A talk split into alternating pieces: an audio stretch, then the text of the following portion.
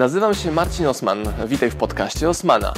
Będę prezentował Ci treści z zakresu biznesu, rozwoju, marketingu. Będzie również dużo o książkach, bo jestem autorem i wydawcą. Celem mojego podcastu jest to, żebyś zdobywał praktyczną wiedzę. A zatem słuchaj i działaj. Marcin Osman.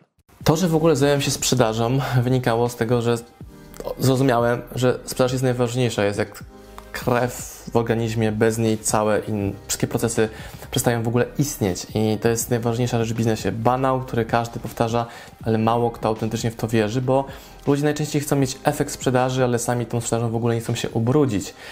Przez ubrudzenie nie mówię o robieniu rzeczy jakichś nielegalnych, tylko że sprzedaż jest uważana za taką gorszą rzecz w Polsce. Takie są moje odczucia.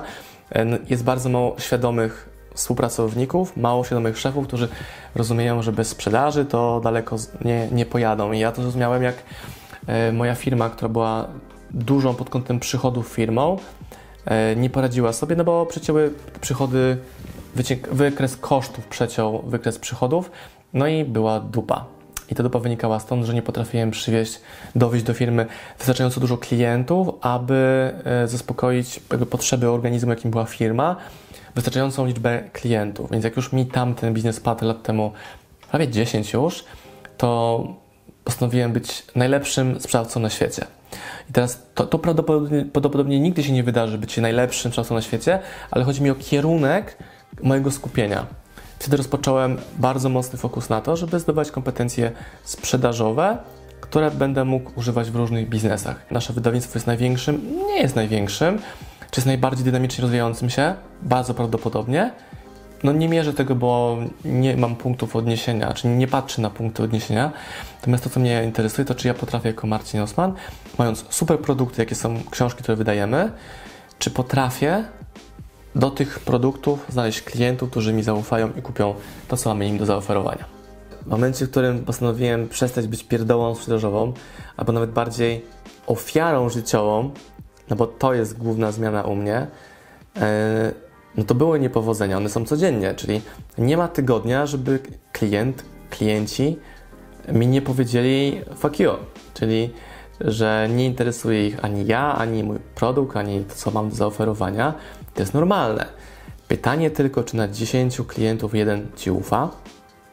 Pytanie, czy z czasem z tych 10, 2, 3, 4, 8 i docelowo, czy klienci tak się zmienią, jakby Twoje percepcja Ciebie tak się zmieni, że to oni będą do Ciebie przychodzili, a nie odwrotnie. Czy na początku to ja musiałem wychodzić, hej, kup moją książkę, jest super.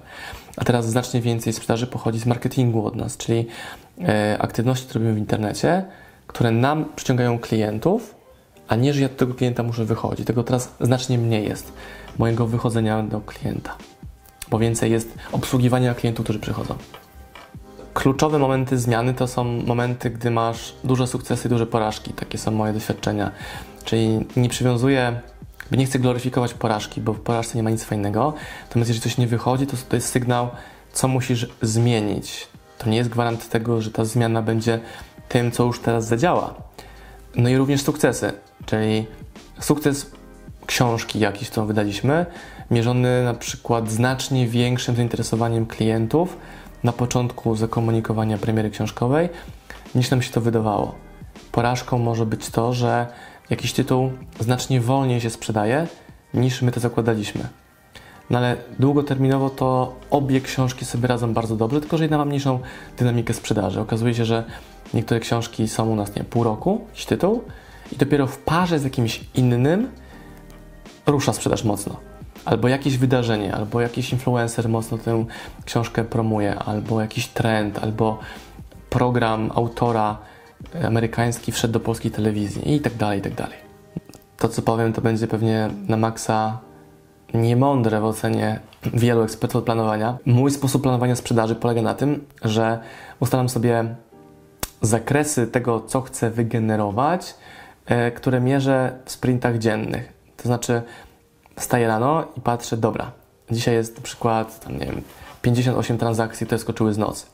Ok, to wygenerowało tam x pieniędzy. Jest co ja muszę zrobić dzisiaj, aby to zwiększyć, albo w inny sposób. Yy, przygotowuję sobie na każdy kolejny dzień jedną najważniejszą aktywność, którą muszę zrobić, a cała reszta nie ma znaczenia. Czyli przykład. Najważniejszą aktywnością dnia może być wysłanie mailingu sprzedażowego do mojej bazy. No i czasami zajmuje mi to pół godziny, czasami zajmuje mi to dwie godziny, trzy to raczej nie. I to jest najważniejsza godzina, dwie dziennie. Jeśli to zrobię, to ja nic innego nie muszę robić, bo wysłanie mailingu dobrego gwarantuje sprzedaż u nas w firmie. Czyli mamy wtedy sprzedaż wygenerowaną z akcji marketingowej, jaką jest mailing. Mamy bieżącą sprzedaż, która nie pochodzi z mailingu. Mamy sprzedaż, która cały czas się dzieje, bo nasze materiały internetowe są wszędzie, czy wszędzie, no nie, na głównych mediach, czyli Facebook, Instagram, YouTube i z każdego tych, tego miejsca lecą transakcje. E, równocześnie nasze e-booki, audiobooki sprzedają partnerzy, jednocześnie ktoś na stoisku konferencyjnym nasze książki sprzedaje, wiesz, i tak dalej, i tak dalej. Jak sumujesz te wszystkie aktywności, no to jest super ciekawy, yy, ciekawy case. Yy, moją główną aktywnością dzisiaj było przygotowanie materiałów do ruszenia z kursem o Instagramie, czyli jak zarabiać na Instagramie. I to zrobiłem. I nic innego nie muszę robić. Wiesz, czy daję sobie jeden główny, duży cel na dzień i tym celem jest liczba, i tym celem jest jedna aktywność, na którą będę pracował. Jeśli to był kurs na temat Instagrama. Jutro może to będzie premiera książki. Tak, jutro na przykład będzie to mailing dotyczący dwóch premier książkowych.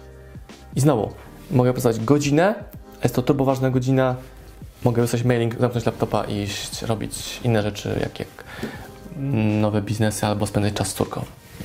Wiele osób uważa, że trzeba najpierw zbudować społeczność i później komunikować swój produkt, to jest spoko, tylko jest jeden minus. Potrzeba na to czasu, to zajmuje dużo czasu. Są inne sposoby. Można tej społeczności nie budować, a zrobić sprzedaż, bo ta społeczność już jest wokół nas. To znaczy, wypisać sobie listę osób, które już nas znają, które już nas, ufa, nas kojarzą, nasz produkt, usługę, są w naszym kręgu, patrzą na, my, co, na to, co my robimy. To jest pierwsza grupa klientów, do której się uderza. Równolegle z tym procesem sprzedaży ja rekomenduję odpalenie marketingu, czyli budowanie swojej społeczności. I z czasem będzie tak, że napływ klientów będzie znacznie większy z aktywności marketingowych, aniżeli z, z aktywności bezpośredniej sprzedaży. I teraz, jeżeli wyłączymy ten etap bezpośredniej sprzedaży na początku, to odsuwamy w czasie sukces, bo nie mamy klientów od razu. Czyli ja mogę wejść na dowolny fanpage, dowolne konto prywatne na Facebooku, gdybyśmy się mogli zamienić, wiesz, mi miejscami e, i na tym, co tam już znajdę, jestem w stanie generować sprzedaż, bo będę się odzywał do ludzi, którzy zostawili lajka pod moją wiadomością, nawet jeżeli będą trzy osoby. Będę pisał prywatne wiadomości do ludzi, którymi ostatnio e, pisałem na czacie i tak dalej, i tak dalej. Będę używał Messengera Instagramowego do zrobienia wideo live'a albo wideo rozmowy do osób, którymi chcę porozmawiać. Będę używał wiadomości audio zamiast pisania tekstu wiadomości prywatnej. No i to będą moje pierwsze metody sprzedaży. Czyli budowanie społeczności jak najbardziej tak, ale dopiero jako kolejny, jako drugi krok prowadzony równolegle ze sprzedażą. Czyli zawsze rozpoczynam od sprzedaży, bo sprzedaż pozwala takie błędne koło, czyli nie mam produktu, bo nie mam klienta, nie mam klienta, bo nie mam produktu, pozwala zawsze przerwać, bo to możemy przerwać pieniędzmi, które pozyskamy od klienta w modelu przedsprzedaży naszego produktu, usługi, brandu, whatever. Relacje z klientem to jest najważniejsza rzecz pod słońcem w biznesie. Co to oznacza? Że jeśli masz z kimś dobrą relację, to ten klient w pierwszej kolejności uderza do ciebie. Czyli ja mając dobrą relację z moimi widzami, moją społecznością powoduje, że oni w pierwszej kolejności, nie wszyscy, ale większość, w pierwszej kolejności na zakupy książkowe z kategorii biznes marketing idą do mnie. I idą do mnie, gdy jednocześnie na Allegro na przykład można znaleźć niektóre książki taniej. Nie te, które wydaliśmy, ale książki partnerskie. Ale oni i tak wolą to zrobić u mnie, bo wiedzą, że e, tworzę materiał wideo, który jest za free, jest to forma odwdzięczenia się za moją pracę na przykład. Albo są tak przywiązani do nas, że jest im to wygodniej zrobić. Relacje to jest, dzwoni klient, mówi, chcę z Wami to robić, gadamy o, o zakresie prac, już robimy, jest taka chwilka pauzy. Ej, zaraz, nie ustaliliśmy wyceny. I wycena się dzieje w ciągu minuty, dwóch. Poustalamy stawkę, klient mówi OK, i jedziemy dalej. a z obcymi ludźmi bez relacji jest to znacznie ciężej zrobić. Czyli ja buduję relacje w internecie z ludźmi długoterminowo i mam mnóstwo ludzi, którzy mnie nie cierpią w pierwszym kontakcie, których odrzucam, ale część z nich po jednym, drugim, setnym wideo zmienia zdanie, bo kuma o co mi chodzi. Więc to jest długoterminowe budowanie relacji z ludźmi w internecie, ale nie tylko, no bo ja 99% okazji, jakie do mnie przychodzą, jest z internetu i często wychodzi to poza internet, czyli na przykład no, spotkaliśmy się na konferencji teraz czwartek, piątek w Warszawie. Tam byłem zaproszony, bo dostrzeżono moje zasięgi internetowe i to pomogłoby w promocji tego wydarzenia. I na tym wydarzeniu miałem ekspozycję na scenie, nagrałem swoje wideo, pokolegowałem się z fajnymi ludźmi e, i efektem tego jest na przykład zaproszenie na live'a do społeczności, w jakiej bym pewnie nie był wcześniej, bo do nich nie docierałem. I tak dalej, i tak dalej, i tak dalej. I nie ma znaczenia, ile osób jest na live, Mogę, może być 15 osób, ale co będzie, jeżeli w tej 15 osób jest jedna osoba najważniejsza na świecie dla mojego biznesu, albo najbardziej przełomowa dla mojego biznesu? Tego nigdy nie wiem, więc idę nawet w takie aktywności one-on-one on one albo niewielkie grupy. Jeżeli ktoś prowadzi biznes stacjonarny, no to tym bardziej powinien używać internetu. Dlaczego? Bo ma stałe koszty i jest nieelastyczny pod kątem adresu, w którym działa. Innymi słowy, to on musi ściągnąć ludzi do fizycznego sklepu. Nawet jeżeli jest to w galerii, która ma tam jakiś przemiał ludzi, którzy wchodzą, wychodzą, no to i tak, i tak w jakiś sposób musi ich ściągnąć. Ja jestem w szoku, jak przychodzę obok jakiejś księgarni i widzę, że w księgarni jest sprzedawca i dwóch sprzedawców, jeden klient.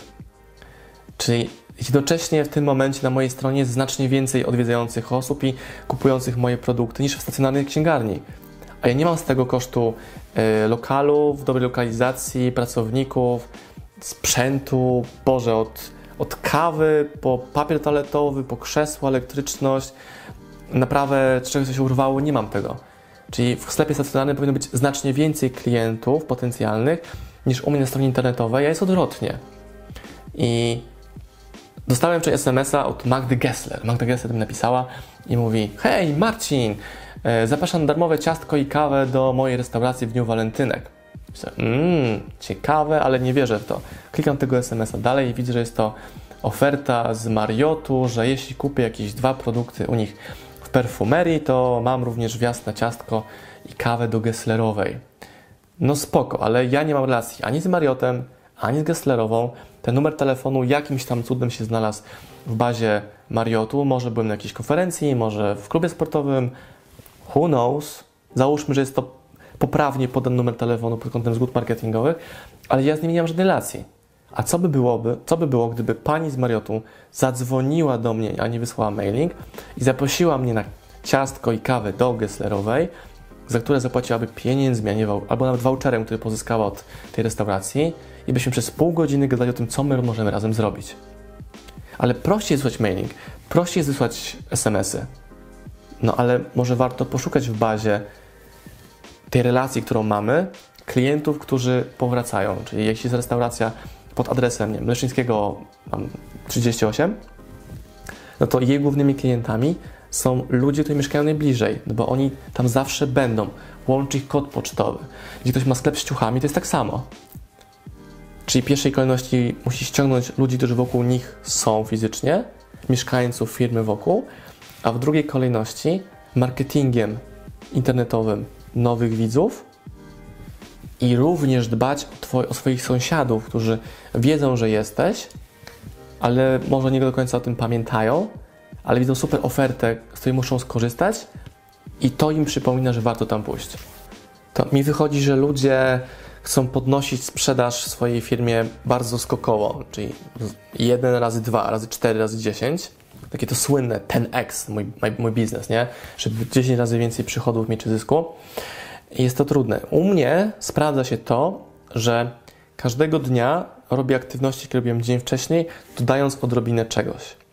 I na przykład e, u nas listopad, grudzień, styczeń jest dowodem na to, że biznes wcale nie musi rosnąć liniowo, tylko może skokowo, potęgowo. I e, nam się zwiększyły przychody dwukrotnie w okresie właśnie listopad, grudzień, styczeń i one się utrzymują względem na przykład września czy października. Czyli mieliśmy to dwa razy x w krótkim czasie, ale to było efektem tego, że robimy długo te media, mamy większe kanały, Facebooki, Instagramy, YouTube, większa baza mailingowa, większe tytuły, inne tytuły, e, różne aktywności łączymy. Czyli my robimy i internet, i pojawiamy się na eventach czasami, i nagrywamy treści z eventów, i mamy, wiesz, bazę partnerów, i mamy afiliacje, i robimy event swój własny w marcu. I te sumowanie aktywności powoduje, że to wszystko działa. Czyli jeszcze raz rekomendacje na podwojenie przychodów w firmie, no to robisz to, co działa, czyli wzmacniasz to, to co działało wczoraj, Facebook Ads, powiedzmy, wchodzą Ci dobrze, dajesz tam więcej pieniędzy. Jakaś aktywność nie daje Ci efektu, to ją usuwasz, kilujesz i na to miejsce szukasz innego narzędzia, które pozwoli e, jeszcze bardziej efektywnie wykorzystać budżet, Twój czas i lepiej do klientów dotrzeć. Jeśli chodzi o konkurencję, konkurencja jest, to jest fakt, ale jeśli ja będę patrzył na konkurencję, to nie patrzę na siebie. Czy mnie interesuje, co się dzieje w moim biznesie, jak ja mogę wpływać na moich klientów. I znam ogromnie dużo przedsiębiorców, którzy wiedzą wszystko o swojej konkurencji. Ja mało o niej wiem. Mało tego, ja z moją konkurencją współpracuję, czyli kupuję książki innych wydawców i je u siebie sprzedaję. Mało tego, uruchamiamy teraz, uruchamiamy teraz pewien projekt tajemniczy z innym wydawnictwem, który pewnie sporo namiesza na polskim rynku i robimy go w partnerstwie z innym wydawcą. Wow, nie? To jest super. Czyli potrafimy tak tę współpracę układać, żeby było dobrze. Jeśli widzę książkę wartościową, wydaną przez innego wydawcę, to również angażuję się w jej, w jej promocję, bo wierzę w to, że książka dobra wymaga wsparcia, a nie ktoś inny ją wydał. Jeśli jest dobra, to zapraszamy ją do naszego portfolio w sklepie i ją u siebie e, promuję. Więc odpowiadając na pytanie a propos konkurencji, ja się skupiam na klientach i bardzo mało wiem o konkurencji, bo działam w zupełnie innym modelu. Czyli może ochroną przed konkurencją jest działanie w inny sposób, czyli naszych książek w ogóle nie ma w szerokiej jej dystrybucji, jak na przykład Empiki, więc nie muszę patrzeć, jak w tych Empikach sobie radzi konkurencja i co zrobić, żeby moja książka była też wepchnięta na półkę okładką do przodu, a nie grzbietem, e, bo mam zupełnie inny kanał sprzedaży w oparciu o internet, o mój brand, o relacje. No, to są moje aktywności, które, które, które mi pozwalają na konkurencję nie patrzeć.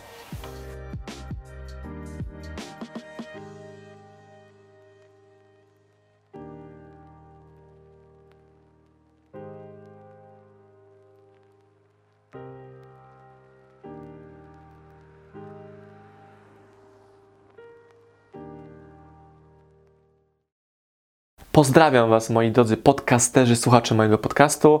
Dziękuję, jestem Wam na maksa wdzięczny za to, że mogę z Wami spędzać czas w podróży, po to, abyście mogli do mnie się uczyć i ja, żebym mógł budować z Wami relacje, będąc w Waszych uszach, Waszych samochodach, Waszych podróżach.